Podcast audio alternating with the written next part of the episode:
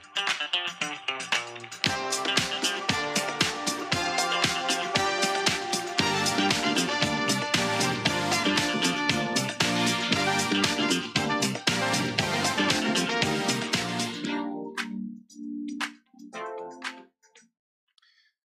Parlementaire debatten doen ertoe en hebben impact op iedereen. Maar wat wordt er besproken en waarom? Welkom bij het Kamergesprek, het programma waarin wij proberen duidelijk te maken wat er onlangs in het parlement is besproken en wat je daar nou aan hebt. Mijn naam is Kemal Rijken en ik maak dit programma samen met ProDemos en Nieuwsport, het perscentrum in Den Haag, wat sinds kort is verhuisd naar het oude ministerie van Buitenlandse Zaken, waar nu ook het Tweede Kamergebouw is. Dus we zitten op een totaal nieuwe locatie. En uh, we gaan het uh, deze week in het tweede seizoen van het programma gaan we het hebben over de algemene politieke beschouwingen. Ook wel het belangrijkste debat van het jaar. Maar daar gaan we zo naar kijken waarom dat dan zo is. Maar eerst gaan we onze gasten voorstellen. Want ik doe het niet alleen, ik doe het met een panel. En de eerste gast van vanavond die wij hebben is uh, John Bell. John Bell is debatdeskundige en directeur van het Pericles Instituut in Rotterdam. Welkom John. Dan andere gast, Shaila Sitalsing. Zij is econome, publiciste en de biograaf van VVD-premier Mark Rutte. Welkom Shaila. Julia Wouters. Zij is communicatiedeskundige, politiek trainer en was jarenlang de rechterhand van PvdA-kopstuk Lodewijk Asscher. Welkom Julia. En Alexander Pechtold, last but not least. Hij was tussen 2006 en 2018 fractieleider van de D66 in de Tweede Kamer. Welkom Alexander. Ja, en we hebben iedereen voorgesteld, maar algemene politieke beschouwing. En het eerste, het eerste wat ik eigenlijk wil doen is naar John. Want John, jij bent vandaag, zoals we dat wel noemen, onze hoofduitlegger. Pom, pom.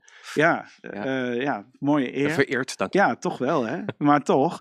Um, die algemene politieke beschouwing. We hebben natuurlijk troonrede gehad. Een koning die dan de miljoenennota daar een troonrede voorleest. Maar wat zijn, nou, wat zijn die algemene politieke beschouwingen nou precies? En waarom wordt het dan de belangrijkste vergadering van het jaar genoemd? Ja, ja nou, er, er gebeuren twee belangrijke dingen eigenlijk tegelijkertijd. En het is altijd wel goed om ze even uit elkaar te, te houden. In de eerste instantie, en dat is denk ik het belangrijkste, wordt de rijksbegroting besproken. Um, ja, het Rijk geeft zo'n 400 miljard euro uit per jaar Aha. aan uh, zorg, aan uh, veiligheid, uh, aan coronamaatregelen.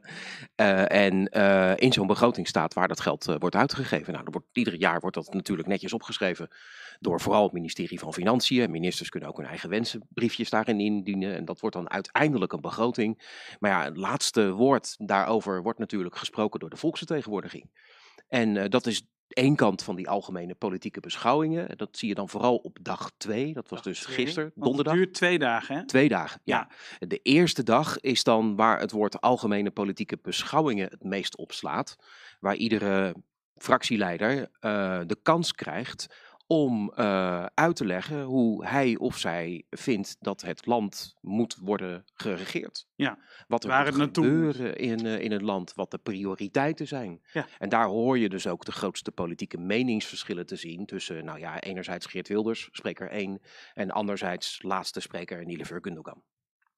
Um, en ik vind het altijd wel lastig om te zien uh, dat dit twee dingen tegelijkertijd zijn. Enerzijds grote verhalen over wat uh, het land zou moeten zijn, hoe, hoe, Nederland in elkaar zit en hoe het zou mm. moeten worden bestuurd. En anderzijds dan uh, ja, toch veel technischere debatten over kleine stukjes van de begroting, waar uh, fracties ook elkaar proberen op te zoeken, onderhandelen, gewoon openbaar, mm. wat er dan in zo'n begroting moet komen. We hebben nu twintig fracties in de Tweede Kamer, een record aller tijden. 17 fracties, drie groepen, maar okay. Ja, oké, okay, maar twintig samen. Hè? Ja. En, en hoe ging dat? Ja, uh, zoals je uh, verwacht. Uh, nou, nou, ja, iedereen heeft zijn eigen spreektijd.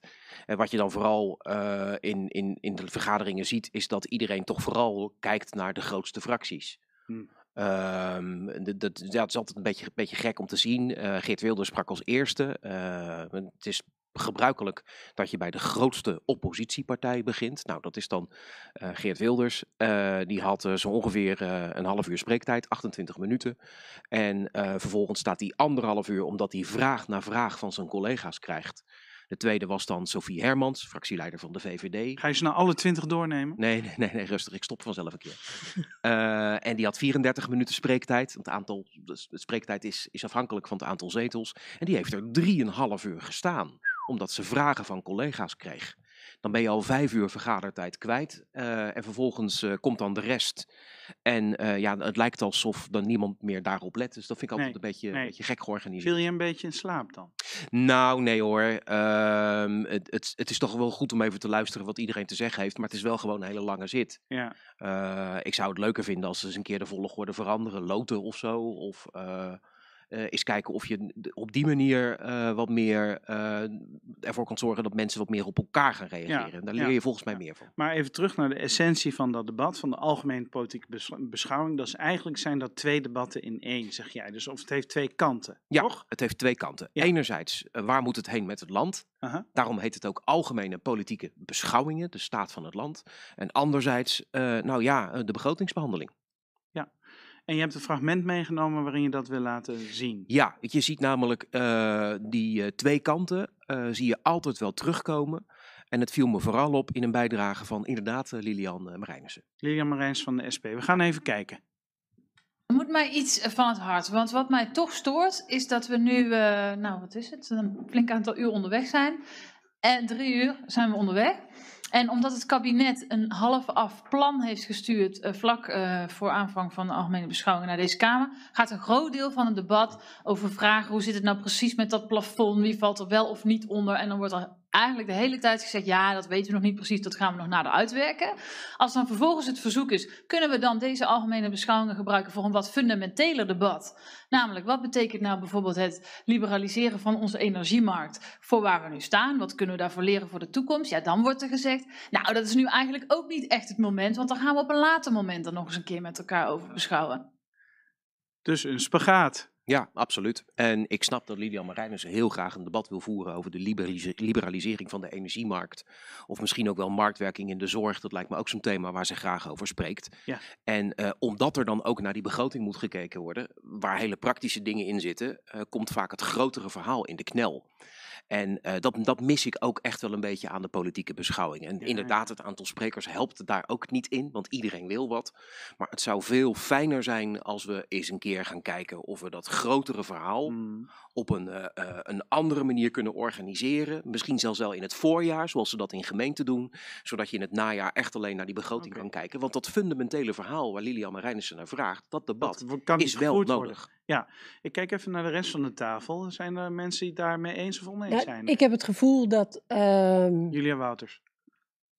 dat fundamentele debat, dat eh, het kabinet helemaal geen behoefte heeft om dat eh, debat te voeren. Op dit moment. Nee, er werd dus eh, ook coalitiepartijen vroegen erom om eens daarover te hebben. En dan gaf Mark Rutte gewoon de hele tijd aan dat hij dat ook heel waardevol vond om dat een keer te doen, maar dat het nu niet een ander moment dat zich daar beter voor leende. En ik, ik denk, ja, een ander moment, ik weet niet welk moment dan, maar dit is eh, het moment. Maar hij wilde het gewoon niet aan. Dus ik denk niet dat het zozeer met de procedure te maken heeft, maar meer met dat... eh, Al kunnen de Kamer kan het gewoon zelf organiseren natuurlijk. Hebben ze het kabinet niet voor. Nee, wel, maar ze vragen dingen en dan Ja. eh, krijgen ze geen antwoord. Ja. Maar die, Je ziet ja? het ook wel in het debat op, eh, op de regeringsverklaringen. Dus als, de, als, als een nieuw kabinet aantreedt, dan is er ook altijd een groot debat. Dat gaat echt over het programma voor de komende vier jaar. Mm. Nou ja, dan worden ook wel tamelijk fundamentele vraagstukken op tafel gelegd. Maar ja, dan krijg je ook niks terug van het kabinet. Dus het Nee. is ook, Nee. je moet ook wel een, een coalitie hebben en een kabinet hebben dat, dit, dat zo'n debat wil voeren überhaupt. Ja. Je kan het wel organiseren, maar het moet wel gevoerd worden. Alexander, heb jij nog Nou ja, het begint, het begint ermee dat je als- als, fractievoorzitter natuurlijk je eigen verhaal moet neerzetten. En, en daar is alle kans toe. Eh, dus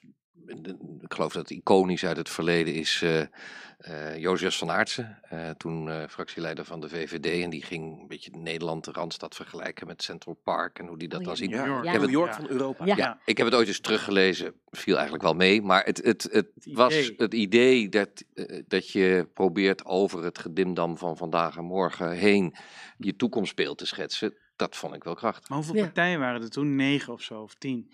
Ja, kijk, die, die, die versplintering, dat, de versplintering is, is een 30, probleem. Maar we moeten, moeten. Ik vind dat de laatste tijd allemaal iedereen. Ja, er zijn twintig fracties. Klopt. Eh, maar bedenk dat eh, in die tijd GroenLinks nog eh, uit eh, vier partijen bestond.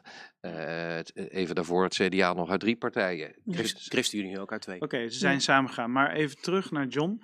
John, even oppositie en coalitie. Hoe ging dat samenspel in dit debat? Nou ja, dan, moet je ook weer dag 1 en dag 2 uit elkaar halen. In de dag 1 en dag 2 zie je toch echt wel een groot verschil. Eh, de eerste dag, waar iedere fractieleider inderdaad zijn eigen vergezicht tekent, eh, zie je toch ook wel dat de nou ja, regeringsfracties eh, toch wel eh, wat voorzichtiger zijn en dat eh, oppositiefracties er met een gestrekt been ingaan. Ja.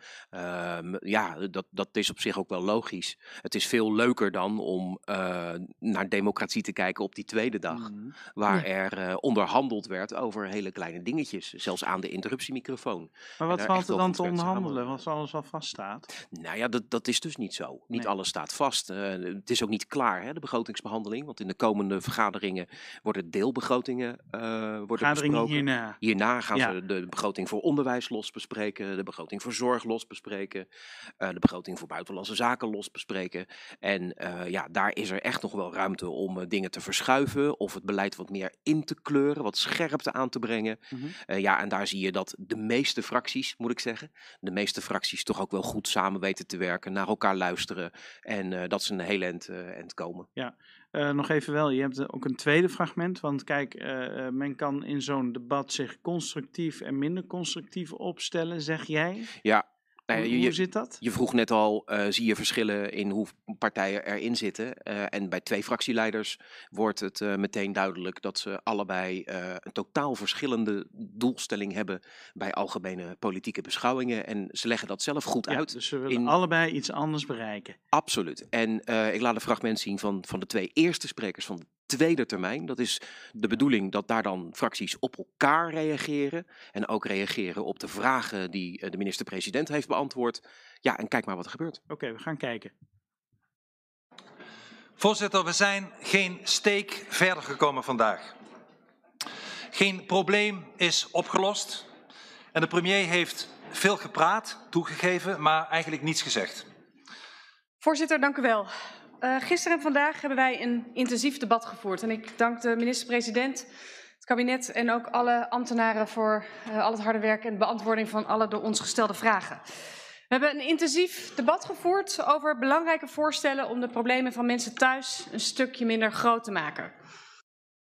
Oké, dat waren dus Geert Wilders van de PVV en Sophie Hermans van de Ja, VVD. Je zult me op mijn woord moeten geloven. Dit is Ja. een fragment eh, uit dezelfde vergadering. Dus deze mensen hebben dezelfde vergadering bijgewoond. Maar als je hun hoort, dan zou je het niet zeggen. En dat heeft ermee te maken dat ze allebei een andere strategie hebben. Geert Wilders eh, eh, heeft eh, vooral de strategie om eh, Mhm. eh, nou ja, te laten zien dat de rest eh, hartstikke knettergek is. eh, en eh, niet naar hem luistert. En dat er niemand iets voor zijn eh, kiezers doet. En eh, Sophie Hermans die stond daar eh, omdat ze eh, nou ja, voorstellen beter wil maken. En natuurlijk ook wel een beetje het eigen geluid van de VVD wat meer in die begroting krijgen. Maar luistert ook goed naar anderen hoe ze dat samen met hen voor elkaar krijgt. Maar er, er zijn nog meer partijen die het anders aanpakken, zoals bijvoorbeeld Forum voor Democratie en de REL, waar iedereen het over had. Nou ja, de, de, ik heb Geert Wilders er maar even bijgepakt, omdat je daar goed ziet dat hij echt een andere strategie heeft. Maar de strategie is niet zo heel veel anders als die van Thierry Baudet. Nee. Eh, niet eh, werken aan de begroting, want daar ging geen letter over in zijn, eh, in zijn betoog, wat tot het, de rel leidde.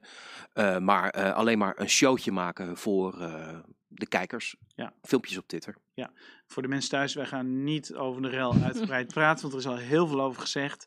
En wij vinden dat het bij de inhoud moet blijven. En eh, ja, we weten wat de REL is geweest, toch? Nou ja, het gaat over 400 miljard onze euro's. De rel. Dat, nee, Nee. de- nou ja, eh, eh, daar lijkt het nu wel over te gaan en niet meer over de begroting in, Ja. in de verslaglegging. En ja, dat is, de, dat is de verkeerde kant op. Want we hebben natuurlijk gewoon nodig om te weten hoe ons opgebracht geld wordt besteed. En daar gaat het wel over. Precies, en dat proberen wij hier aan tafel recht te trekken. Toch? Ja, hier, Ja, hier. Ja. Maar, dat gezegd hebbende, ehm, eh, het gaat natuurlijk ergens naartoe. Want je zei net ook al, van nou, dan kom je naar begrotingsbehandelingen. Als het goed is hebben we een, eh, een schemaatje of een sheet meegenomen. ja, dat zou het... Nee, die komt niet in Oh, beeld, hoor ik net. Dus Nou, dat is mislukt. Maar John, jij hebt wel een kaartje. Misschien kun je het ophouden. Ik heb hem even op een, op een kaartje gezet. Ja. Ehm, het, eh, het ministerie heeft een, een, een handig overzichtje gemaakt. Moet ik het daar laten zien? Ja, handig als- overzichtje als dat gemaakt. Dus, dus zoek, dat, zoek dat maar gewoon lekker zelf. Ja, dat- Ehm, je hebt nu de, de, het aanbieden van de troonrede. Dat is een soort van inleiding van de Rijksbegroting. Nou, dat, dat, die hebben we dinsdag gehad, Prinsjesdag. En die mag dan zijn majesteit voorlezen. Dan vervolgens wordt de begroting in de eerste instantie besproken door de, door de Tweede Kamer. Dat is dus dat deel van de volksvertegenwoordiging. En die gaan dan nog een beetje passen en meten wat er eh, nog belangrijk is. En dan wordt ieder deel van de begroting van elke minister, zeg maar, uh, wordt uh, de, in, de, in de komende vergaderingen nog, op, nog veel gedetailleerder besproken. En dan vervolgens, ja, per 1 januari gaat die nieuwe begroting in, want het is het nieuwe kalenderjaar. En dan uh, in het voorjaar komen alweer de eerste rapportages waarin uh, het kabinet gaat uitleggen wat er terecht is gekomen van de plannen die dan nu gesmeed worden. Ja. en, en, en, en eigenlijk zijn we nu dus bezig met het inrichten wat er de komende, komende jaar, 2023, met ons belastinggeld gebeurt. Maar dat is, dat is toch een prima procedure, of niet? Ja, dat is hartstikke dat goed. Zeg, ja, dan moeten we aan gaan sleutelen. Nou, wat ik fijner zou vinden, is dat je in de volksvertegenwoordiging wat meer naar die grotere debatten kan kijken. Waarin je echt een fundamenteel debat houdt over bijvoorbeeld dan liberalisering van de energiemarkt. En niet steeds achter de, de waan van de dag in zo'n begroting nee. moet aanhobbelen. Je kent vast de uitdrukking, je moet het dak repareren wanneer het niet regent. Mm -hmm. um, en, en je kunt dus niet midden in een crisis gaan kijken naar wat je fundamenteel moet veranderen aan de, aan de energiemarkt. Um, het zou fijn zijn als de Kamer daar wat meer tijd voor heeft. Ik heb ook het idee dat, dat het voor uh, kiezers, of eigenlijk alle inwoners in het land, veel fijner is als de volksvertegenwoordiging eens een keer een wat groter verhaal kan schetsen. In plaats van alleen maar reageren op dingen die nu moeten worden opgelost. Ja, en incidenten. Ja. ja.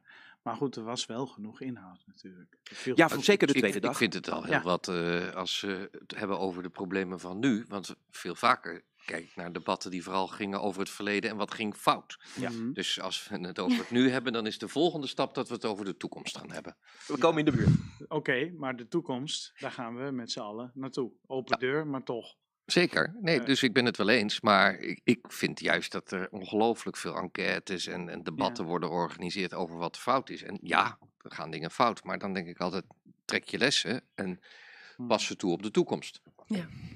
We gaan kijken naar de toekomst. Uh, bedankt John voor deze beschouwing. En uh, we kijken naar... Uh, een algemene inhoud. beschouwing van de algemene, algemene beschouwing. algemene beschouwing.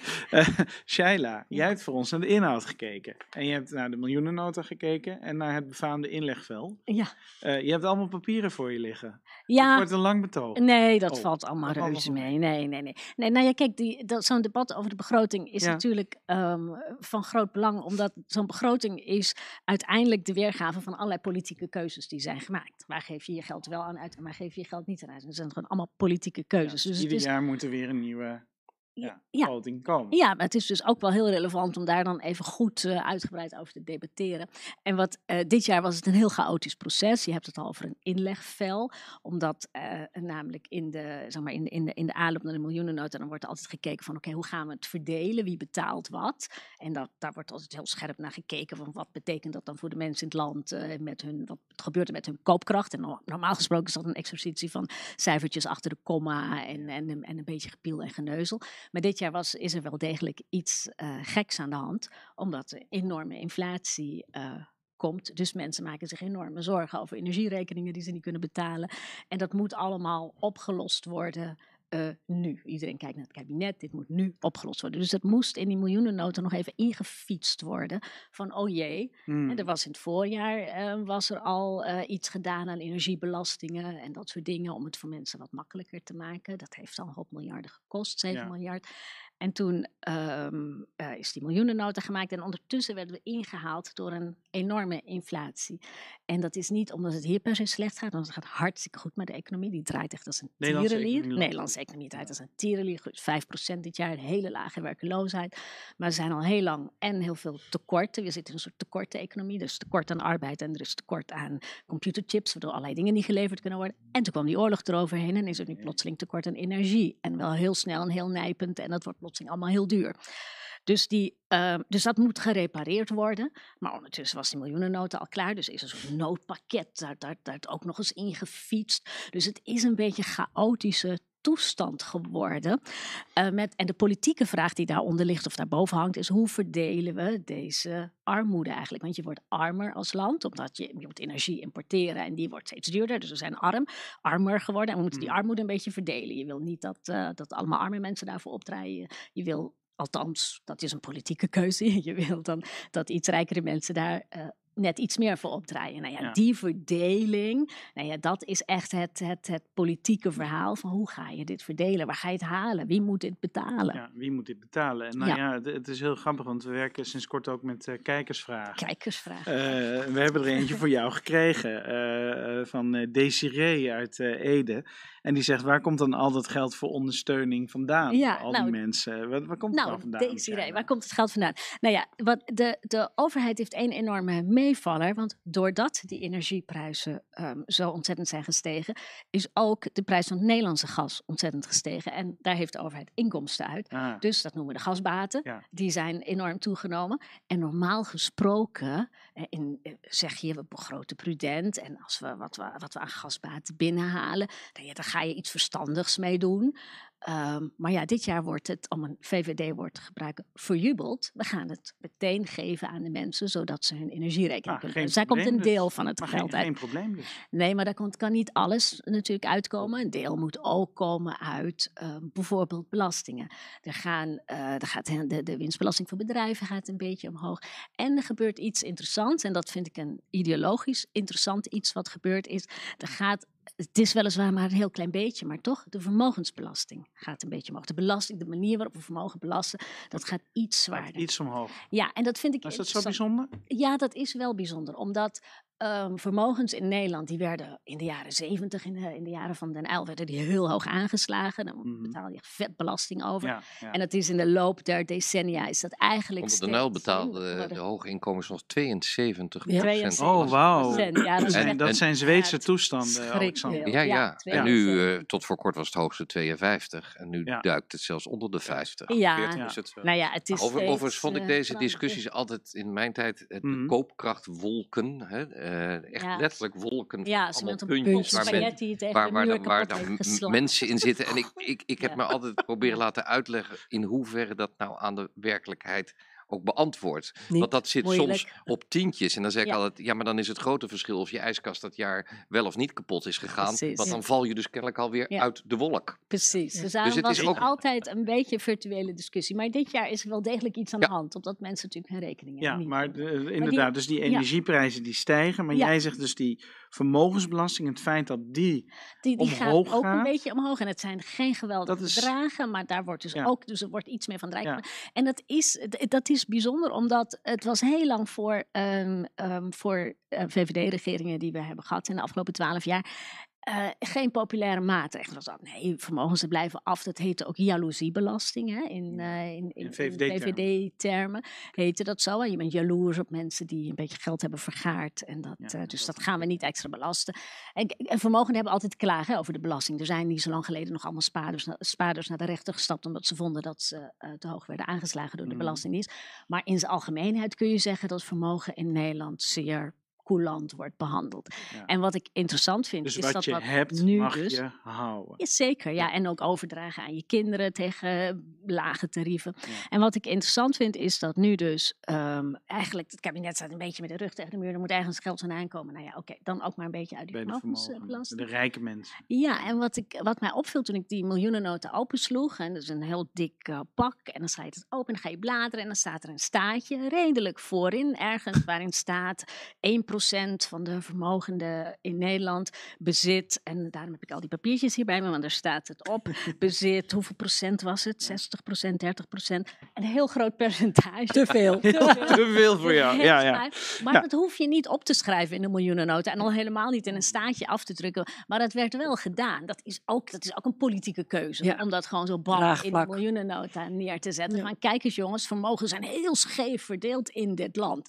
Dus dat is inderdaad precies om een beetje de geest rijp te maken. Van we gaan het toch doen. We gaan het Ja. toch doen. En, En, en wat Ja. ik zo leuk vind is, we hebben dan eh, eh, Rutte, de flexie-premier, die dat altijd zegt, vermogens, jaloeziebelasting, en nu niet. En dat was een Oké, leuk dus hij in noemde debat. het dus eerst de jaloeziebelasting. Ja.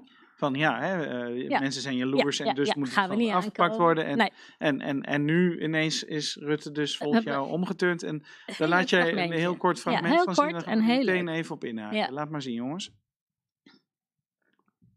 Bij de persconferentie zei de premier: een vermogensbelasting is een jaloeziebelasting. Staat hij nog steeds achter deze woorden? Nee, dat is te zwart-wit.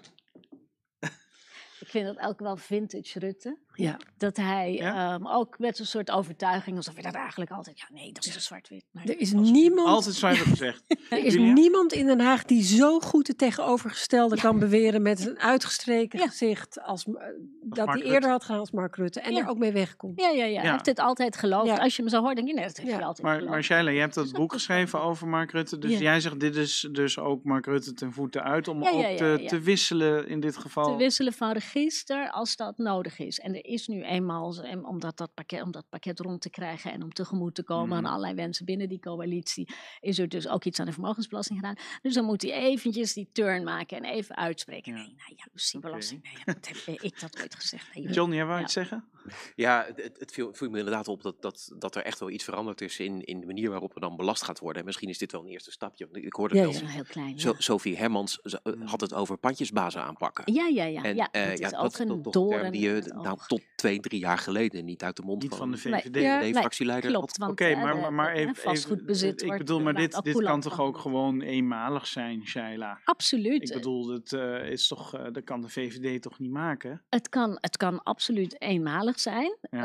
Ehm, maar het is wel interessant dat er deze richting nu is Ja, ja. en- nu ga ik het nog even voor de politieke kasten opnemen. Want als politici, als politici ijzeren heinig 20, 30 jaar hetzelfde blijven vertellen, is het niet goed. Ja. Als ze openstaan voor nieuwe omstandigheden en argumenten, dan hebben we er kennelijk ook weer moeite Nee, nee, nee, Nee, nee, nee, helemaal niet. geen enkele Ah, moeite mee. Tenminste, van Nee. er geen enkele moeite. Nee, ik vind, het, grappig. ik vind het mooi als je voor het schrijdend inzicht hebt. Maar eh, eh, Mark Rutte heeft het talent om net te doen alsof het er absoluut geen sprake is. van- Dat hij het eigenlijk altijd al vond. onderbouwt het niet. Maar Nee, ik wil- ik wil even terug- verhaal erbij. Ik wil Ja. even, ik wil terug naar de, naar de uitleg. Want Shaila, kijk, eh, die vermogensbelasting gaat omhoog. Je hebt net het fragment gez- laten zien, Artje Kuik, die dat dan Rutte bevestigt.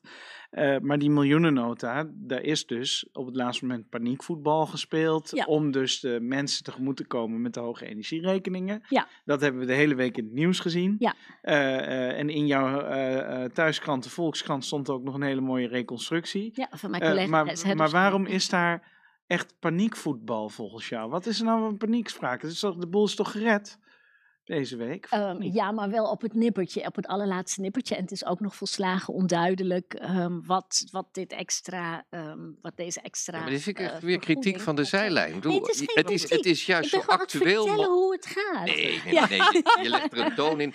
Dit is gewoon hoe actueel politiek soms kan zijn. Ja, ja. Ik, ik Ja. kan me herinneren in het kabinet Rutte-Ascher. dat we altijd een keer- paniek. Dat was altijd paniek. Ja, Maar daar, daar, daar moest op een gegeven moment hulp van een deel van de oppositie. We wisten gewoon dat we nog drie dagen hadden. En, en dat was tot s'nachts doorwerken. Is dat paniekvoetbal? Of is dat gewoon van de laatste momenten nog zorgen dat je kansen maakt? Nou, ik, ik- die, die, die haast is wel vaak zelf opgelegd. Dus eh, kijk, Ja. mijn ervaring is als er maar genoeg pers buiten staat, dan is er een crisis. En dan is er dus ook een crisis. Dan heb je het gevoel dat er heel snel een oplossing moet komen. Want we weten dus helemaal nog niet wat dit betekent voor de begroting. De bedragen zijn nog niet Veel duidelijk. irritatie. En dus had het ook best een week of twee of drie of vier later kunnen zijn. Ja. Dan, het was ook een beetje om te zorgen dat de oppositie eh, daar minder fel kon inhakken op deze begroting. Dus er zat ook een politieke reden omdat het allemaal zo snel Ja, moest. Ik heb, was even, enorme wacht even, ik heb even een Ja. vraag aan Shaila Ja. daarover. Want jij hebt natuurlijk ook het debat gezien. Los van Ja. dat je de miljoenennota hebt bestudeerd die tijdens het debat werd eh, besproken. Mhm. Ehm, hoe, kwam dat, was dat, werd dat duidelijk in het debat? Dat er, de, ja, dat, dat, dat er nog eigenlijk nog wel tijd is? Nou ja, het werd duidelijk in het debat dat, het nog, dat dit extra ehm, herstelpakketje, dat, eh, wat, wat Mhm. ehm, mensen moet helpen bij hun energierekening, Pakketje? nog helemaal niet is doorgerekend. Geld, hoor. pakketje, Pakket. miljarden, ja, we strooien Miljarden. met zoveel miljarden. Ja, Ja, want onze Paar kijker miljard nu, erbij, heeft ja. erover gemaild. Ja. maar het, 5000 het per is, het is nog heel, helemaal onduidelijk hoe het gaat werken. Het is ook Ja. onduidelijk hoeveel het gaat kosten. Het is ook een beetje een soort open einderegeling, een beetje een blanco cheque. Maar goed, oké. Het was ook noodbreekt fascinerend, want er kwamen dus ook heel veel vragen vanuit de Ja, coalitiefractievoorzitters. die dus weten ook niet hoe het werkt. eh, het kan zijn dat dat de nieuwe bestuurscultuur is. En Kun je dat dat er uitleggen? Nou ja, meestal wordt zo, eh ja, Alexander weet dat heel goed, die, die, die akkoorden die er eh, in het kabinet Asscher Rutte, Rutte werden gesloten, Mhm. ehm, daar waren de fractievoorzitters heel erg actief bij aanwezig. En op het moment dat dat naar de buitenwereld gepresenteerd was, kwamen er geen vragen meer vanuit de fractievoorzitters die daar aan tafel hadden gezeten om dat mee uit te Geen onderhandelen. vrije rol. het ging niet om een vrije rol, ze hadden gewoon geen vragen meer. geen Dat duidelijk. Dus eh, het Ja. wa- was gewoon allemaal al uitonderhandeld. En dat hier merkte je dat ook D66, ook het CDA, ook het VVD nog van hoe zit dat dan hiermee en hoe moet het daar dan mee? En dat kan dus dat dat dualiteit is, hè? dat de, de eh, fractievoorzitters en de ministers niet alles al dichtgemetseld hebben. Het kan ook zijn dat ze gewoon eh, oprecht gewoon het allemaal Het nog is niet bekend nog was. niet af. En dat Ja. ze wilden sturen. Ja, het is gewoon nog niet af. Het is pas op 14 september besloten. Is deze Op zich is miljoenen dat goed. Dat is, Ja, heel sorry? fijn. Nee, wat, wat, wat er nu gisteren gister en Ja. eergisteren gebeurde. tijdens de algemene politieke beschouwing? Tijdens de algemene Transparantie. politieke beschouwingen. Ja, niet alleen transparantie omwille van de transparantie. Nee, Maar omdat Hermans en, en. Jette eh, net dezelfde vragen hadden als Kuiken en Klaver, wordt ook veel beter uitgelegd wat die regeling nou precies is en waarom het belangrijk is dat die gebeurt. Ja. Dus om, om te begrijpen wat er gebeurt met ons geld, ik zeg het nog maar eens een Mhm. keer, is het wel veel fijner dat het in de Kamer wordt besproken en Ja. niet in, in fractiekamers. Nee, Ja. dus dat is goed. Maar nog even, Shaila. eh, de miljoenennota die is goedgekeurd. Hè, die, die is er nu eh, door, zoals dat dan heet. Of die gaat, die gaat Je nog moet wel ja, nog moet nog overgestemd worden, ja. over gestemd worden. eh, maar ehm, de wereld is onzeker. Hè. Die inflatie is er niet voor niks. Eh, oorlog in Oekraïne, nou, die gaat eh, deze winter en daarna waarschijnlijk gewoon Ja, door. die gaat nog wel door. Wat verwacht jij? Heb je een glazen bol voor ons? Ik heb geen glazen bol. Oké, maar wat maar, verwacht we- je? maar als je terugkijkt naar de afgelopen twee, drie jaar, gaan we eigenlijk van, van, van noodsituatie naar noodsituatie. Ja. Corona was ook een totaal onvoorspelbaar iets waar wat miljarden heeft gekost. Ja. En die er ook gewoon waren. Het Ja. geld kostte, het Ja. geld was gratis. Dus dat, er is toen heel veel geld de economie ingepompt. Dus dat kon. En daar is misschien ook wel een beetje van geleerd. Van nou ja, in zo'n noodsituatie kan dat dus kennelijk. Je kan gewoon best wat geld in de economie pompen. Dus dat is wel een, een, een soort souplesse of een soort gemak Ja, ja. ingekomen. Ja. Van oh ja, ik kan nog wel even een noodpakketje. En nog even een noodpakketje. Dus noodpakketje. Er ko- komt ook een soort handigheid in. Oké, dus het kan nog wel eens een. eh, het tij kan nog wel eens gekeerd zijn. Je krijgt ook nog de financiële beschouwing. Hè? Ja, Ja. algemene, het, dan krijg eh, je de en dan krijg je de financiële. Ja. Mhm. En dan gaan echt de experts uit de fractie tot achter de komma. Ja. De rekenmeesters. En dan is dat pakket denk ik wel, Wel al rond. duidelijk. En ook al doorgerekend. Want het Centraal Planbureau heeft het ook nog helemaal niet Ja. kunnen doorrekenen. Het is gewoon nog helemaal niet, niet af.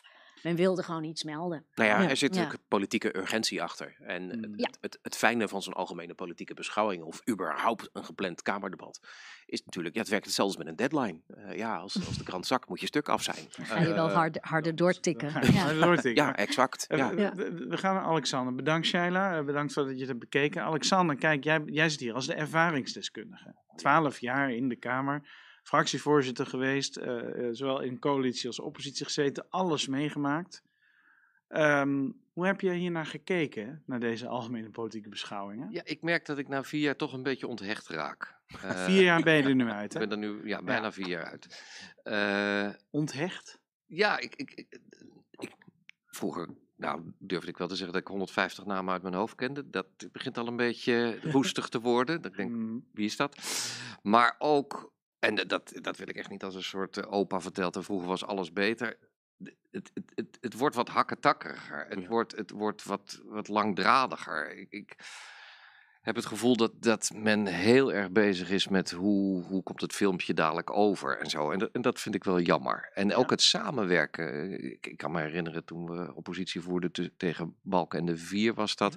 Dat Rutte en eh, Femke Halsema en ik echt ook, ook gewoon los van je partijpolitiek, als je dacht van ja, maar nu hebben we een punt, dan gingen we ook met z'n drieën naar voren en dan heb je twee of drie interrupties. Nou, dan lukt het de eerste niet en dan maakten we een treintje. Dan ging Ja. de volgende erachteraan en nog één. En als het dan helemaal nog niet lukte, dan keken we naar Marjan Thieme en die kwam dan aanholen. was van de Partij voor de Dieren. Ja, en die keek dan aan en die zei, waar gaat het over? Dit moet je vragen. Dat wordt nodig gemist, ja. Ja. en dat, dat eh, los van dat het de sfeer beter maakte, ja. want nu denk ik wel eens, moe, eh, die mogen wel eens een borrel met elkaar gaan drinken. eh, was er ook meer effect. Want ja, dan kwam het kabinet ook echt niet weg. Want als je Nee. tien keer dezelfde vraag kan stellen, eh, ja, dan, dan- dan op een gegeven moment moet die. Maar, eh, Nou, nou denk ik wel ja? ook dat dat is ook een wisselwerking. Want je kan aan Rutte namelijk heel goed tien keer dezelfde vraag En dan- stellen. En dan krijg je alsnog, hè, je kan een trein van hier tot Barcelona opstellen. Hij is gewoon ook heel goed om al maar... Zeker, maar met verschillende stijlen. En, en die hadden we natuurlijk, Ja. die zitten er nu ook. Ga, ja. Ja. gaat het dan wel beter opvallen dan, dan nu? Ja. Ja, zeker. Een aantal Maar Kamerleden. dat, wat- dat, dat, dat, Ja. dat is duidelijk, maar eh, nog even. ehm, dat ging er anders. Maar hoe bereidde jij je dan voor? Nou, dat begon al in de zomer. Ja. In de Eh, zomer? Ja, ja, ja. Kijk, dan, dan, je probeert toch bij jezelf een beetje de, de, de steekwoorden alvast te vinden. Waar, waar, waar zijn mensen mee bezig? Waar, hoe sluit dat wel of niet aan op, op mijn politieke visie en koers? Eh, en dan langzamerhand, eh als je dan zo dat reces uitkwam in die laatste weken, ging ik eh, met, met mijn directe kring aan, aan ondersteuners zitten.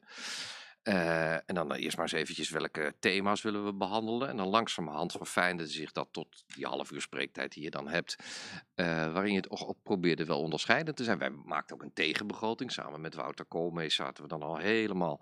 Wouter te- Koolmees was eh, toen, was toen woordvoerder, Kamerlid. eh, ja, Kamerlid en woordvoerder Financiën. minister Financiën geweest. En en- een en lopende computer. Ja, dat was echt Ja. gewoon Ja. ieder- iedereen, iedereen, journalisten, alles, iedereen, ook andere fracties. En daar Ja. maakte iedereen gebruik van. Ja. Kwam even bij Wouter eh, een sigaretje roken om te horen hoe het nou echt zat. Ehm, ehm, dus, dat, dat, dus dan zorg je en dat je een visieverhaal neerzet en dat je het financieel onderbouwt. Dat moest dan ook eh, allemaal doorgerekend worden, want anders was je eigenlijk geen knip voor de neus waard. Dat vind ik nu ook jammer, dat ik niet veel fracties hoor elkaar uitdagen. Wat staat er dan in je Ja, maar het geld is gratis tegenwoordig. Ja. Dus ja. Ja, dat is één, één Ja. probleem in Den Haag. Mhm. Bezuinigen is eigenlijk eh, eh, makkelijker dan geld uitgeven. En waarom? Ja, ik, ik weet niet wat, het- wat, de sys- wat, wat eh, het groepseffect ervan is. Maar als je moet bezuinigen, dan heb je het. Nee, nou oké, we lijden allemaal pijn. En waar, waar gaan we het Ja. doen? Nou oké, slikken maar. Ja, urgentie. Eh, maar als je geld uitgeeft, ja, dan is er toch een soort jaloezie van jij niet meer dan ik. Is dat Nederlands? Misschien wel. Ja. Misschien dat we dat in ons huishouden ook wel hebben. Nee, ik Ja, ja, ja. denk dat het ook ur- een gevoel van, ur- van urgentie is. Op het moment dat je ziet dat je de begroting uit de, uit de hand loopt, Ja. is. Ja. dan eh, is er eh, paniek in de tent. En dan eh, is iedereen veel meer geneigd om een beetje water bij de wijn te doen. Om het allemaal kloppend te krijgen. En als het geld uitgeven is, ja, dan is er geen gevoel van urgentie. En dan gaat iedereen zo hard mogelijk op zijn eigen visie zitten. ja, precies. Nou, ik snap dat wel. Ja, de, en de fase van de laatste week was, eh, Hmm. want dan weet je wat je zelf wil. En dan was het, nou, oké, waar, waar komen nou anderen mee richting mij? Wat, wat, is, het- wat zijn mijn zwaktes? Hmm. Eh, en waar zit, als ik dadelijk naar de anderen kijk, wat verwacht ik dan bij ze? En, en waar kunnen we ze eens een keer, nou eens een keer de- aan de tand voelen? Ja, ja. Dus dat was, dat, dat, overigens, je kan dat nog zo voorbereiden als je wil. Uiteindelijk zijn de keren waarvan ik dacht, zo, dat ging lekker, zijn altijd spontaan geweest. Ja. Ja, dat ging altijd Hmm. spontaan. Maar als je je goed voorbereidt, dat heb ik altijd, altijd wel voor ogen gehouden. Want op een Mhm. gegeven moment, zelfs na twaalf jaar, krijg je op een gegeven moment iets van, nou, ik snap het wel. Maar hoe beter je voorbereidt, hoe vrijer je hoofd is op dat moment om negen, tien uur achter elkaar te luisteren naar het moment waarvan je denkt, hé, wat. Ja. wat zeggen ze hier? Heb je, eh, je kan als eh, Johan Cruijff waarschijnlijk het debat lezen als Johan Cruijff de voetbalwedstrijd. Mhm. Eh, heb jij nou echt dingen gezien waarvan je denkt, ja, maar dat is niet goed voorbereid? Zo had ik het nooit gedaan. Nee, nee, nee. Kijk, ieder doet het op zijn eigen stijl. Dat, dat zeg ik wel. Dat, ik, ik, ik vond er jaren geleden iets meer lucht en humor in. Ja. Ook iedereen was toen aan het zoeken hoor. Eh, de een ging altijd over de buurkinderen praten om het proberen menselijk te maken. Nou, dat werd ook soms een beetje eh, pathetic. maar, dus iedereen zoekt wel. Maar ik, de laatste tijd denk ik wel eens. Eh, eh, geven onze kijkers nog niet het gevoel dat, er, dat, dat we nog steeds in een mooi land leven. Maar Ja. je hebt ook gezegd, eh, er, wordt, er is deze algemene politieke beschouwing veel op de inhoud gedebatteerd. Ja, ik vond de tweede dag echt s- stukken Ja? beter dan. Nou, laten we die eerste dag snel vergeten. Ehm, kijk, wa- wa- waar, wanneer ik het interessant ga vinden, wanneer er politieke wereldbeelden, visies clashen langs de inhoud. Hè? Eh, en, en dan graag ook gewoon met feiten. Hè? Mhm. Eh, en, en daar kan je elkaar enorm scherp op maken. Ik kan me een keer herinneren met Roemer, die echt een Philippe Roemer, Emiel Roemer van de SP. Roemer, ja, van de SP. Ja, ik moet het uit gaan leggen. Ja, ik leg het jou. Roemer van de SP, die stond een verhaal over de zorg en dat er tekorten en dit en dat. En ja, hij had geen tegenbegroting, niks. Dus ik dacht, zou ik het durven, zou ik het durven? Ik denk, doe het. Dus ik loop naar voren. Een korte vraag is altijd beter dan een lange inleiding. Dus ik zei, hoe groot is die zorgbegroting dan? Nou, dat was geloof ik op dat moment 85 miljard. En hij keek me aan, verschrikt. En, en, en had geen antwoord. Nou, dat is natuurlijk een heerlijk moment om te zeggen, nou, als u niet eens weet hoe groot die hele begroting is, die ieder jaar overigens met een paar miljard toeneemt, eh, ja, waar heeft u Mm. het dan over? Ja, dat zijn de momenten eh, waar je, dat vind ik politiek handwerk. Je hebt een fragment meegenomen van eh, Jan Paternotte, fractievoorzitter, eh, opvolger van jou, later opvolger van D66. Ja. Tegenover Lilian Marijnissen, ook van de SP. Dus eigenlijk Ja. D66 SP. Ja, ik heb hem misschien ook meegenomen omdat ik, ik vind dat ze hier allebei al vanuit hun vier op inhoud zitten. Ja, Oh, ja. Je leert er wat van. En dat vind Ja. ik wel zo prettig. Oké, nou we gaan kijken hoe ze op inhoud zitten. En ik vraag mij af hoe u vindt dat wij moeten gaan regelen dat die miljarden die we over gaan maken naar die energiebedrijven niet naar de aandeelhouders gaan. Ja, ik vind dat daar de gesprekken die nu met de energiebedrijven nog gevoerd worden voor de uitwerking, dat die precies daarover moeten gaan. En ik vond het uitgangspunt dat de heer Omtzigt eh schetste van, nou ja, dat je een kleine winst daarop maakt, maar dat het niet de bedoeling is dat die subsidie die wij er nu op geven, dat die voor een heel groot deel terechtkomt in extra winst voor energiebedrijven, vond ik een volkomen logische. Dus ja, ik deel die vraag. Tot slot, mevrouw Marijnsen. Ja, ik deel de vraag. Ehm, eh, laat ik het dan anders vragen. Vindt u ook dat we minimaal moeten afspreken, als er miljarden zouden gaan naar energiebedrijven, dat wij minimaal als Kamer dan moeten uitspreken, zoals we dat bijvoorbeeld ook bij de coronasteun hebben gedaan, dat we dan niet die gekkigheid krijgen als winstuitkeren aan aandeelhouders, bonussen voor bestuurders, eigen aandelen opkomen, opkopen. Vindt u dat dan in ieder geval dat dat minimaal de garantie zou mogen zijn die we als Kamer vragen voor die miljardensteun die waarschijnlijk nu naar die energiebedrijven gaat? Heer Paternot. Ik vond het volkomen logisch bij banken die met staatssteun overeind werden gehouden. En ik vind het sowieso heel goed dat we eh, eh, ja, een bonusplafond in Nederland eh, daar hebben. Om die eh, perverse prikkels in dat systeem tegen te gaan. In dit geval gaat het er natuurlijk om dat wij die energiebedrijven nodig hebben vanwege de hoge energieprijs. Die hebben zij natuurlijk ook niet per se veroorzaakt. Dus ik weet niet of dit het beste instrument is. Wat ik wel met u eens ben, is inderdaad dat eh, het enorme bedrag. Het kan eh, oplopen tot, nou in ieder geval 15 miljard euro werd al genoemd. Dat dat bedoeld is om mensen te helpen en niet energiebedrijven. Nou, eh, eh, evenwel, eh Marijnissen is van de oppositie Ja. en Jan Paternotte is een coalitiepartij, Ja. zit in de regering. Ja. Maar dat eh, echt, eh, ja, Botsen deed dit niet. Nee, maar wat ik er interessant aan vind, is dat zij pakt een insteek. Daarom ik vind het leuk, omdat ik Ja. heb hem niet als, als, als promotie van Paternotte. Maar Nee. zij denkt door van, god, bij die bank is dat fout gegaan. Ja. Hoe gaat het dadelijk met die energiebedrijven? En ze probeert hem eigenlijk, alleen hij laat zich niet klem zetten. Klem Eh.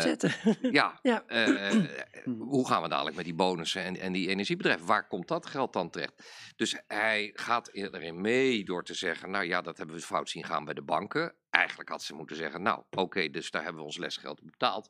Maar dit vind ik interessant, omdat ik denk, ja, dit is vooruitgedacht. Wat kan het effect zijn dadelijk Van dat geld wat daarheen gaat. Juist. En, Ja. en, en hoe zekeren we ons nu al? Nou, ik vind haar rol goed. En ik snap heel goed dat hij zich er nog niet aan vast kan Ja. leggen. Want dan gaat Rutte natuurlijk zeggen, wat doe je nou? Ja, dat, ja. dat- En dat wil zij, nou ja, zij wil hem natuurlijk wel vastleggen. Als je de, eh, eh, eh, ja, de D66 is een grote speler. Iedereen zegt wel, het eigenlijk, het, zij zijn eigenlijk de baas hier. Ze halen er altijd het meeste uit. Dat zo wordt er van rechts naar gekeken. En zij is dat een beetje aan het uitspelen. Dus, dus zij is het proberen Paternotte op dit punt, wat misschien een wat linkser punt is, klem te zetten. Zodat hij straks, als er verder onderhandeld moet worden, niet meer terug kan. Ja. en het Ja. beloofd heeft. Dus hij zegt steeds, ja, nou, ik snap die vraag en zo. Dus eh, hij zegt, nou, ik heb, ik heb een boodschappenlijstje wat ik meeneem als vraag ontstel. En Ja. zij wil zeggen, ja, dat, dat hij zegt, ja, dat vind ik ook. En dan kan ze hem daarna op afrekenen, op ter verantwoording. Erop. Dus Hoe het is, Ja, het is heel slim zeggen, gedaan, hoe dan? dit, Ja. door beide. Want dat- dit vind ik mooie ja. politiek. Ja. Dit, is, Ja, dit is goed doordacht, Ja. voorbereid. En ieder gaat Dus zo moet het in zo'n debat gaan. En het Ja, wordt er, het wordt er eh, Ja. ook betere politiek van. Het wordt Ja, ook beter, beter ook beleid. Omdat we ja. nu zien Ja, dat, dat er, dat er Ja. twee mensen, die, die allebei denk ik belangrijke spelers zijn, op hun eigen manier ook voor de legitimering van wat er daar, daar gebeurt, voor het draagvlak van wat er gebeurt.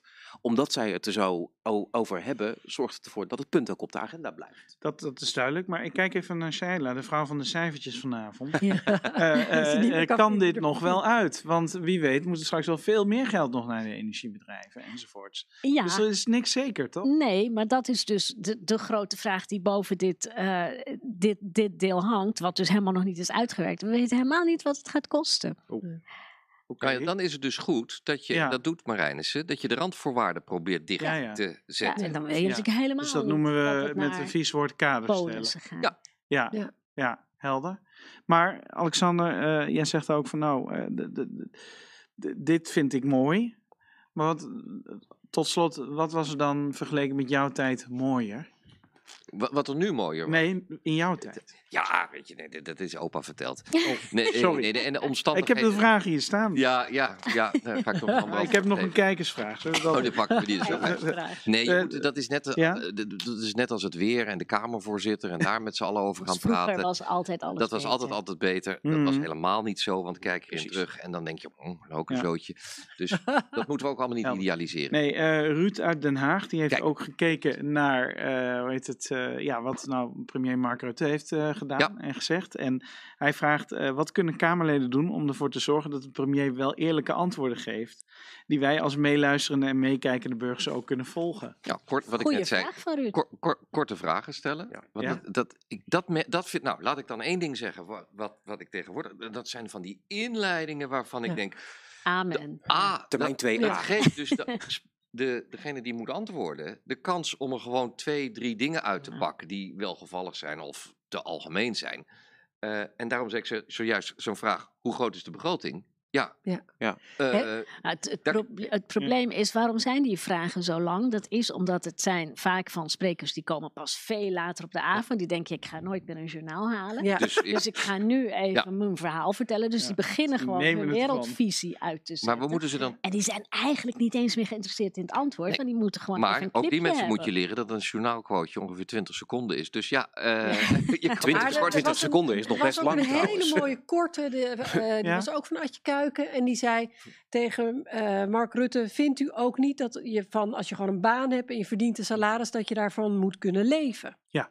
Ja, zei hij, dat vindt hij ook. Ja. Nou, Nou. waarom gaat het minimumloon dan niet omhoog genoeg dat je er ook van kan leven? Ja, maar dat zijn de momenten in het debat. Nou ja, daar, daar ging hij hele sommen maken, maar het principe bleef Hmm. staan. Ze waren dat wel. zijn goede dus dit is een live opname en omwille van de tijd ga ik nu naar jou. Ja. Dus, eh, ik ben al bij jou, maar dan gaat van je tijd af. Nee, maar eh, je hebt ook gekeken naar de communicatie en de sfeer in het debat. Daar hebben we het natuurlijk al een beetje over gehad. Maar als je uitzoomt, wat was de communicatie en de sfeer volgens jou? En eh, kun je daar voorbeelden van geven? Nou, Shaila begint er, die, die had het er net al over. Hè? Ja. Het, het, eh, want dat is wel een groot verschil, doordat er zoveel fracties zijn. Vroeger was de SGP altijd klassiek de laatste partij. Dan was iedereen al, hing al aan de wijn in het ledenrestaurant. En die was gewend om nog te zorgen dat ze even nog er wat van maakten, een showtje van maakten. Maar nu zijn er heel veel hele kleine partijtjes en die weten... Ook ik heb, eh, ik, voor mijn gevoel heb ik twee dagen aan de televisie gehangen, maar toch, ja, op een gegeven moment ga ik slapen. Op een gegeven moment hou je, En haak dus, je af. eh, dus Ja. je merkt dat iedereen weet dat bij die eerste twee sprekers, dan, als je dan je interruptie pleegt, dan heb je nog kans om het acht uur journaal te halen. En daar zit je allemaal om te doen, om die 20 seconden.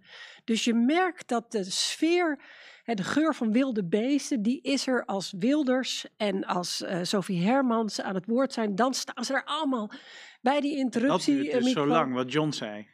Ja, dat maakt dat het lang duurt. uur. En, Ja, en wat je ook uur. merkt, eh, wat heel grappig is, omdat al sinds een flink aantal jaren Wilders de grootste oppositiepartij is en daarom mag beginnen. Wilders begint meestal met het indienen van een motie van wantrouwen. Dit jaar had hij eh, iets in de overtreffende trap, dus hij wil nu de staat aanklagen.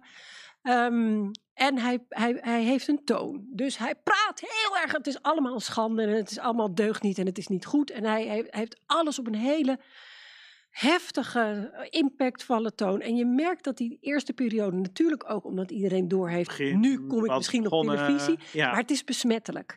Dus ook de interrupties zijn allemaal op die toon. En dat gaat door. Eh, dat- dat duurt echt een flink aantal uren. En of het nou helemaal alleen maar met wanneer je op televisie komt te maken heeft, of dat op een gegeven moment gaan ze lunchen. Dat is meestal pas om een uur of drie. Echt Ja, dat ja. ik denk, jee, wat zullen ze honger hebben tegen deze tijd. Magen vol. En Ja. dan daarna merk Daarvoor heb je je, je laadje, hè? In het ja, kamerbakje met zit een laadje. Ja. En daar wordt, als het goed is, word je wel gevoerd. Ja, maar in ieder geval, als ze dan even die pauze hebben gehad, en die, die, die pauze duurt dan drie kwartier of zo, dan merk Ja. je dat daarna de debatten, dan is dus de kans dat je het acht uur journaal haalt, is wel eh, verkeken. En dan is ook iedereen eens weer even van die adrenaline. En dan merk je dat er nog steeds wel inhoudelijk Mm. gedebatteerd wordt. En iedereen, tegenwoordig is iedereen ook altijd bezig om zijn eigen filmpjes te kunnen maken. Hè? Dus je kan je eigen publiek Op nog steeds social bedienen. media. Dus ze blijven heel goed hun best te doen op social media. Eh, eh, maar de opwinding is dan wel een beetje uit het debat. En dan wordt het eigenlijk prettiger om naar te kijken. Je merkt het zelfs binnen een betoog. Als je kijkt naar Geert Wilders, die heeft er dan anderhalf uur gestaan. En het eerste half uur eh, Mhm. krijgt hij massa's interrupties. En dan een hele tijd niks. En tegen het eind komen er weer een, een, een flink aantal interrupties. Eh, Ja. Ja. Maar eh, is Geert Wilders dan eigenlijk de persoon die de, de toon zet voor het debat? Of eh geven we hem daarmee te veel... eh, Je zag hem nu worstelen toen, nou ja, laten we er dan Ja. niet te lang over. Maar Ja. je ziet dat Baudet en Wilders nu een soort, ja, in dezelfde vijver aan het roeren zijn van het ontregelen. Want eigenlijk los van hun politieke visie, het is vooral het ontregelen van ja, het dat het debat proces. ontspoort. Ja, Ja. dat het ontspoort en dat, dat, dat, dat iedereen boos is en dat we het hebben over, nou ja, wat dan ook. Ja. Ehm, maar je ziet dat Wilders, ik, die, die voelt die adem van die Baudet wel in zijn nek. En toen het dus misging, zag je ook dat Wilders denkt, ja, ik kan hem niet afvallen. Maar ja, dit is toch ook niet helemaal mijn stijl. Kijk, maar dus die de rel van. Baudet. Maar toch zijn Ja. het ook politici Ja. eh, met een, eh, een eh, ander publiek wat ze moeten bedienen. Want je ziet dat Wilders, die geniet echt van het debat. Ja. Eh, Thierry Baudet is eigenlijk de hele dag afwezig. Die heeft geen enkele interruptie gepleegd, want die weet, mijn stemmers, mijn achterwand kijkt helemaal niet naar het zijn we achterjournaal. helemaal niet mee bezig. Hij wil alleen maar eh, een filmpje kunnen uitmonteren wat hij op zijn eigen website zet en op zijn eigen social media. En hij wil een relletje. Dat hebben ze dan met elkaar gemeen. Ze willen altijd een relletje, omdat ze weten dat is de dynamiek. Dus het gaat nooit over, ik weet wel, Carola Schouten vertelde me ooit, dan heb je aan een motie gewerkt. Drie maanden lang heb je dan eindelijk een meerderheid. Carola En Schout dan- van de ChristenUnie. Ja, en dus toen als Kamerlid nog. En dan heb je, nou, heb je echt impact gehad. En zij zei, het haalde nooit het journaal, want het ging altijd wat Wilders nu weer had geroepen. Ja. Dus dat is hoe het werkt. En eh, nou, dat zie je dus ook de manier waarop er gecommuniceerd wordt enorm bepalen. Carola Schout is een vrouw. Ja. Dan kom ik op het volgende onderwerp weer Ja. Ruggetje. bruggetje. En dat is eigenlijk, eh, jij hebt ook op vrouwen gelet in het Ja, debat. Maar waarom, waarom doe jij dat? Nou, ik eh, heb een boek geschreven over vrouwen in de politiek, Zijkant van de Macht. Ehm, en dat heb ik geschreven uit gewoon mijn eigen interesse. Dat ik dacht, hoe komt het toch dat het eh, aantal vrouwen in de politiek zo achterblijft?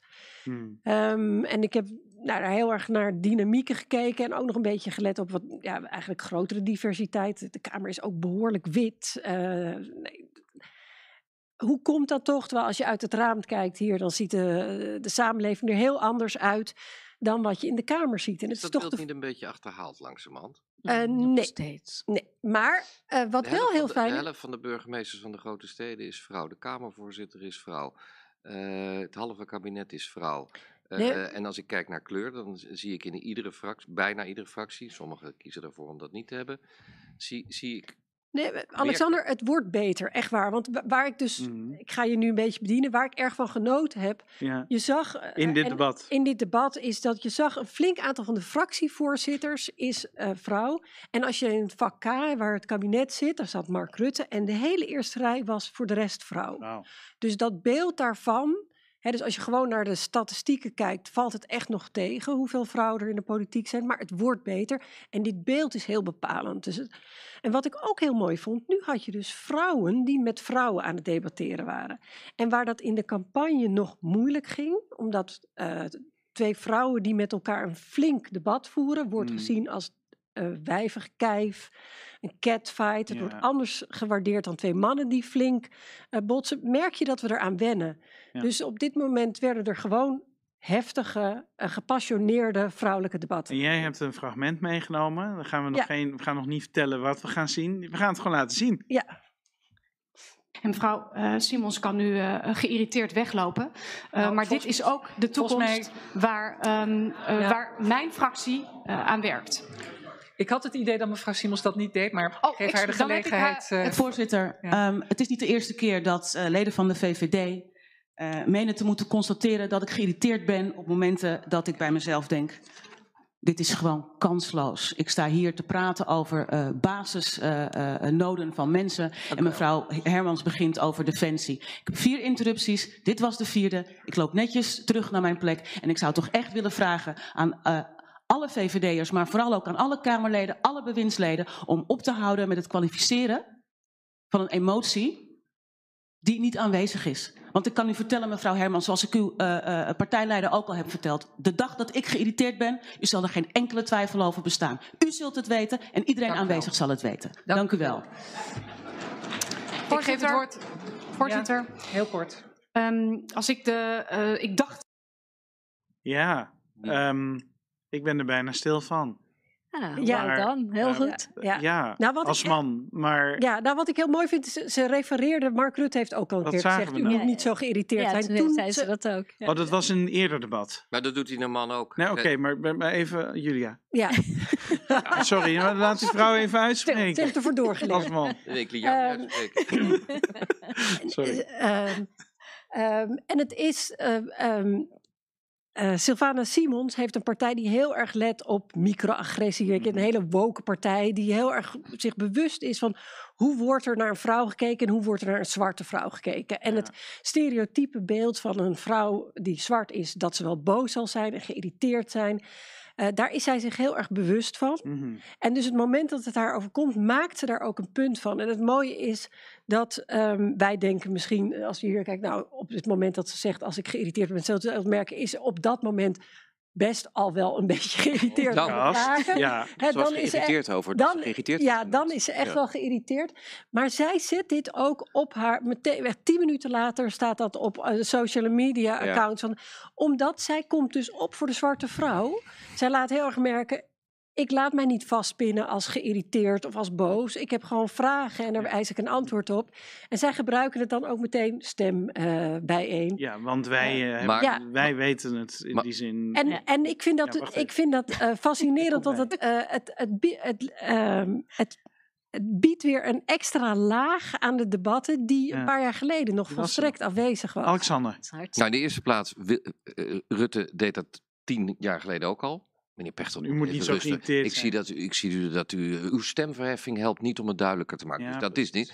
Maar dan vraag aan jou, ze maakt er dus ook gewoon gebruik van. Zeker. Tuurlijk. Ja, Ja. nee, nee, even dus aan beide kanten van het spectrum wordt het graag gebruikt om iets uit Nee, te ik denk dat eh, ehm, eh, Mark Rutte, voor Mark Rutte is het een debattruc. Dus als hij Ja. geen argumenten meer heeft, gaat hij Mhm. altijd zeggen van eh, u moet niet zo opgewonden worden, dan gaat hij het doen. Ja, doe niet zo gek. En het is een debattruc die eh, mensen onbewust het, eh, toepassen ook.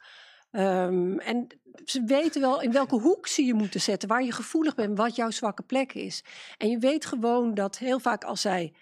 Eh, een zwarte vrouw krijgt ook sneller dat argument. Dus zij, ge- zij gebruikt dat Oh ja. wel. Ja, en even hoor. ik- Gebruik- ik- ik, wil, daar- ik wil even. Ik eh, zat daar, ik ja? zat daar boven eh, Ja. op, de, op de publieke tribune eh, en, en zag Sylvana Simons.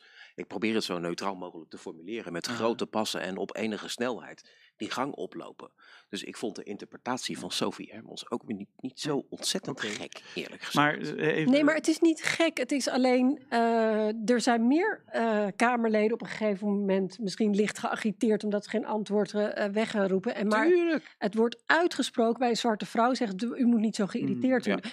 Sylvana Simons was zeker niet de enige die Nee, geïrriteerd was zeker omdat niet. ze geen antwoord kreeg. Shaila, jij bent aan deze tafel ook vrouw van kleur. Ja.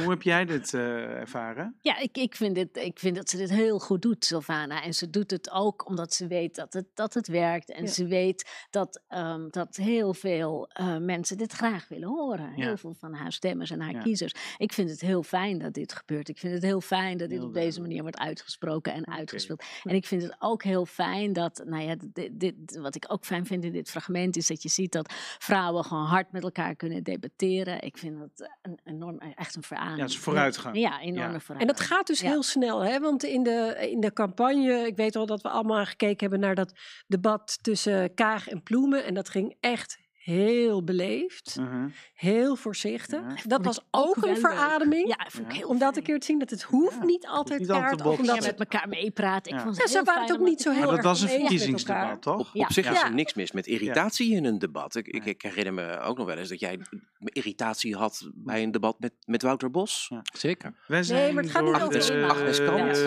we Ja. zijn door de tijd heen. Ik wil even. Voelt toch geen ik irritatie aan deze tafel, hoop Nee, ik, totaal niet. eh, maar eh, eh, zonder irritatie ga ik naar jou, John. Oh, Want eh, jij bent toch wel onze hoofduitlegger geweest vanavond. Dank je. Wat heeft de burger hier nou aan dit debat gehad, überhaupt inhoudelijk? Even kort in Nou, kleine... ehm, als hij de krantenkoppen heeft gelezen, dan heeft hij er niets aan gehad. Want het ging vooral over iets anders. Het trucje van Baudet, dat, dat heeft dan gewerkt. Als hij dag één heeft gekeken, dan denk ik dat de opbrengst magertjes is geweest. Want hij heeft vooral betogen gehoord waar weinig echt op de inhoud grote debatten zijn gevoerd. Maar meer politieke plaagstootjes. En dan vooral naar twee sprekers toe. Als die dag twee heeft gekeken en heeft volgehouden, dan heeft hij een, eh, gezien hoe democratie werkt mensen die uh, soms fundamenteel andere visies erop nahouden, zoals het fragment tussen Paternotte en, en Marijnissen. En dan toch met elkaar proberen naar een goede oplossing voor iedereen toe te komen. Ja. Uh, ik zou uh, willen dat, dat iedereen die dag twee nog eens een keertje een paar stukjes terugkijkt, want Ja. daar heb je wel wat aan. En omdat zij zo scherp over de begroting hebben gesproken, mag je ook verwachten dat we een betere begroting hebben. En dan hebben we er allemaal helder. wat aan.